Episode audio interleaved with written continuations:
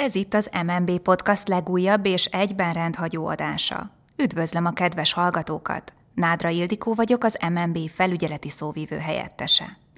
Legutóbbi adásunkban Vonnák Balázs vendégünkkel azokat a kérdéseket jártuk körbe például, hogy hogyan fog hatni a klímaváltozás a fejlett országok gazdaságára, miként változtatják meg életünket a radikális demográfiai változások, mi lesz azokkal az országokkal, amelyek egyre jobban eladósodnak. Mai adásunk központjában egy nagyon aktuális téma, a hitelmoratórium áll, és aki a részletekkel segítségünkre lesz, az nem más, mint Frejzdében Vilmos, az MNB hitelintézeti felügyeleti igazgatóságának vezetője. Kedves Vilmos, nagy szeretettel köszöntelek a stúdióban. Én is köszöntöm a hallgatókat. Fontos határidő közeleg, ugyanis a kormány egy júniusi rendeletében újra meghosszabbította a hitelesek e hónap végéig tartó hiteltörlesztési moratóriumát egészen 2022. december 31-éig. De kezdjük az elején egy rövid összefoglalóval. Elmondanád kérlek a moratórium legfontosabb mérföldköveit? Természetesen. A fizetési moratórium 2020. március 19-ével indult, ekkor minden hitelszerződés automatikusan bekerült a moratóriumba. A moratórium első időszaka az 2020. december 31-ig tartott, majd a moratórium második időszaka 2021. januártól kezdődött, és a hosszabbítások révén 2021. október 31-ig tartott. Azok, akik nem akartak élni a moratórium lehetőségével, és ebben az időszakban továbbra is törleszteni szerettek volna, nyilatkozattal jelezhették bankjuk felé fizetési szándékukat. 2021. november 1-től kezdődött meg a moratórium harmadik szakasza, amelyel a 2021. szeptemberében moratóriumban lévő és bennmaradási igényüket jelző úgynevezett kiemelt társadalmi csoportokba tartozók élhettek. Ide tartoznak a gyermeket nevelőnek minősülők, a közfoglalkoztatottak, a nyugdíjasok, továbbá a tartós jövedelemcsökkenés tapasztalt háztartások. A moratórium harmadik szakasza ez év július végéig tart, ezt követően kezdődik a moratórium negyedik, 2022. december 31-ig tartó szakasza. Nagyon nagy segítséget jelenthetett, és jelenthet is sokaknak a hitelmoratórium lehetősége, viszont ilyenkor mindig jön az a szócska, hogy de. Jól gondolom? Hát a fizetési moratórium az egy átmeneti segítséget jelentett, és jelent ma is az adósok számára a pandémiás időszak alatt felmerül esetleges fizetési nehézségeik kezelésében. Ugyanakkor nem szabad figyelmen kívül hagyni, hogy itt nem tartozás elengedésről van szó, illetőleg van szó, hanem fizetési haladékról. Azaz, a fizetési kötelezettségnek egy későbbi időpontban, de eleget kell tenni, és a kamatot is meg kell fizetni. Ráadásul a moratórium működési elvéből fakadóan változatlan törlesztő részletek mellett is meghosszabbodik a visszafizetési időszak a törlesztési szünet periódusánál, periódusánál is hosszabb mértékben, a teljes visszafizethető összeg pedig szintén emelkedik. Ezeket mindenkinek számításba kellett és kell is venni a belépésről vagy bemaradásról szóló döntése során. És mennyien vannak még benne a moratóriumban, illetve mennyi összeget érint ez pontosan? 2022. áprilisban még kb. 82 ezer lakossági ügyfél 127 ezer darab szerződése volt moratóriumban, amelyek többsége lakáshitel és személyi kölcsön. Ez mintegy 465 milliárd forintnyi hitelösszeget takar, ami a teljes lakossági hitelállomány 5%-a. A legutóbbi hosszabbítás lehetőségével változott a jogosulti kört? Kikre vonatkozik ez most? A jogosultak köre az nem változott, azon adósok vehetik igénybe, akik a moratórium harmadik szakaszát igénybe veszik, és jelzik szándékukat a további igénybevételre. Mit kell tennie annak, aki élni kíván a fizetési stop meghosszabbításával, és hol vehet igénybe esetleg segítséget az érdeklődő? Akik a moratórium 2022. augusztus 1-től december 31-ig tartó időszakában is részt kívánnak venni, azoknak a bankjuk felé nyilatkozatot kell tenniük a moratórium harmadik szakaszához hasonlóan. Jól értem, hogy akkor ez azt jelenti, hogy az ügyfelek most sem tudnak postán beadni kérelmet? Bizony, bizony, erre oda kell figyelni. A vonatkozó jogszabály alapján személyesen történhet meg a leadás, illetve online formában, a bank honlapján vagy internetbankon keresztül lehet nyilatkozatot tenni. Elmondtuk azt, hogy közeleg ez a fontos határidő, de mi is az pontosan? Mi ez a határidő?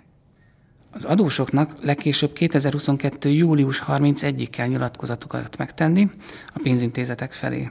Itt fontos kiemelni, hogy ez a határidő jogvesztő, tehát aki nyilatkozatot elmulasztja megtenni, az a későbbiekben nem pótolhatja, és így a moratórium negyedik szakaszában már nem vehet részt. Mennyi többletterhet jelentett, hogyha valaki ismételten benne marad a hitelmoratóriumban? A moratóriumban maradás többletterre függ az adott hiteltermék paramétereitől, így a fennálló tartozás összegétől és a futamidőtől, valamint a kamat mértékétől, de adott esetben több százezer forint további tartozás növekedéssel és több hónapnyi plusz futamidővel is számolhatnak az adósok, ami akár jelentős terhet is jelentett számukra. És esetleg erre tudnál konkrét példát is mondani, hogy hogyan nőhetnek a költségek a gyakorlatban? Hát az átlagos moratóriumos lakáshiteles az 14 év hátralévő futamidővel 8,5 millió forint tartozással rendelkezik. A hitelkamata pedig mintegy 5 százalék, így a 2022. december 31-ig tartó moratóriumban maradás még további közel 300 ezer forintnyi kamatfizetési többletterhet jelenthet. A moratórium teljes időszakát tekintve ez 1,7 millió forint többletterhet jelent, amely miatt a futamidő 4 évvel és 10 hónappal nőhet meg. A tipikus moratóriumban lévő személyi kölcsön esetében, ahol a hátralévő futamidő 4,5 év, a még meglévő kölcsönösszeg 2,5 millió forint, a kamat pedig 13 százalék, további mintegy 200 ezer forint többlet kamatkiadást, míg a teljes moratóriumban töltött időszak alatt mintegy 1,2 millió forint tartozás keletkezhet, amely a futamidőt 4 év 3 hónappal növelheti meg. És ezekről a többletterhekről tájékoztatják a bankok az ügyfeleket? Igen, a pénzintézetek az ügyfeleket a moratórium során keletkező tartozás mértékéről tájékoztatják a kivonatokon, illetve az elektronikus banki felületeken. Ugyanakkor előzetes kalkulációt a bankok nem kötelesek adni arra vonatkozóan, hogy például a moratórium negyedik szakaszában való bemaradás milyen további terhekkel járhat. Beszéljünk egy picit arról is, hogy kiknek érdemes bent maradni a hitelmoratóriumban. Ezt fel tudjátok mérni? Van erről információtok? Ugye a pontos válaszhoz ismerni kellene az adósok fizetőképességét. Az viszont nagyon fontos, hogy a moratóriumban maradásról vagy a kilépésről az adósoknak a saját fizetési lehetőségeiket, anyagi helyzetüket mérlegelve kell dönteniük. Ugyanakkor az MNB továbbra is fontosnak tartja kiemelni, hogy a tartozás és futamidő növekedés elkerülése érdekében, akinek az anyagi helyzete lehetővé teszi, az kezdje meg a törlesztést. Ha valaki úgy dönt, hogy nem szeretne élni a hosszabbítással, akkor pontosan mire számíthat utána? Kapnak erről is tájékoztatást az ügyfelek a bankoktól? A moratórium harmadik szakaszának zárását követően a negyedik szakasszal nem érintett szerződések esetében a bankoknak meg kell határozniuk a moratórium alatt felhalmozott tartozás alapján a futamidő meghosszabbításának mértékét. A moratóriumot követően az adósok fizetési terhe a moratóriumot megelőző törlesztő részletnél nem lehet magasabb, ide nem értve az egyébként is bekövetkező kamat átárazódások miatti növekedést. A módosított futamidőről és a törlesztő részlet mértékéről a pénzintézetek egyedileg minden érintett adós tájékoztatnak. Akkor megkapják az ügyfelek Pontosan. egyedileg is a tájékoztatást. És vizsgálja a jegybank esetleg azt is, hogy a moratóriumból visszatérőket megfelelően tájékoztatják a hitelintézetek? Az MNB kiemelt figyelemmel követte és követi jelenleg is az intézmények moratóriummal kapcsolatos tevékenységét. Ennek keretében 16 intézményt érintően témavizsgálatban is ellenőriztük a moratóriummal kapcsolatos jogszabály előírások betartását. Mit javasol a jegybank a hiteleseknek? Hát csak azok éljenek a moratórium hosszabbítás lehetőségével, akiknek az anyagi helyzete nem teszi lehetővé a törlesztés folytatását. A törlesztés folytatni tudó adósok esetében célszerű a moratórium lezárása, amivel elkerülhetik a további tartozás növekedést és a további futamidő hosszabbítást. Mi történik akkor, hogyha valaki kilépett a moratóriumból, és utána kerül egy olyan élethelyzetbe, hogy nem tudja fizetni a törlesztő részletét, például elveszíti az állását, vagy megbetegszik, ne történjen ilyen, de ebben a helyzetben az adósok mit tehetnek? Ilyen sajnos előfordulhat. A moratóriumban ebben a szakaszban nem lehetséges a visszalépés, ugyanakkor a nehéz helyzetbe került adós a problémát mielőbb jelezze a bankjának. Ez nagyon fontos hangsúlyozni, hogy ha valaki úgy érzi, hogy nem tudja a következő havi törlesztő részletet kifizetni, akkor azt mielőbb jelezze a bankjának ugyanis a fizetőképesség helyreállítása érdekében a bankok akár több személyre szabott lehetőséget is fel tudnak kínálni az adós együttműködése esetén, és itt hangsúlyoznám az adósnak az együttműködését, mert megfelelő megoldást akkor tudnak találni, hogyha az adós ebben megfelelően együttműködik a bankkal.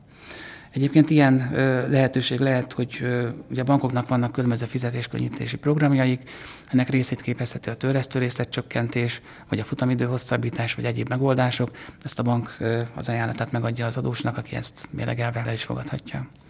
Köszönjük szépen, ez egy nagyon konstruktív végszó volt, hiszen akkor ezek szerint mindenre van megoldás, csak baj esetén minél hamarabb forduljunk a bankunkhoz, kérjünk segítséget. Köszönjük, Vilmos, hogy itt voltál velünk a stúdióban, és köszönöm minden hallgatónak is, hogy velünk tartott. Hamarosan ismét egy új adással fog az MNB podcast jelentkezni, addig is mindenkit arra bíztatunk, hogy kövessék újdonságainkért, híreinkért az MNB internetes felületeit, YouTube csatornáját és a közösségi oldalainkat. Viszont hallásra! Viszont hallásra, köszönöm a lehetőséget. Mi is nagyon szépen köszönjük.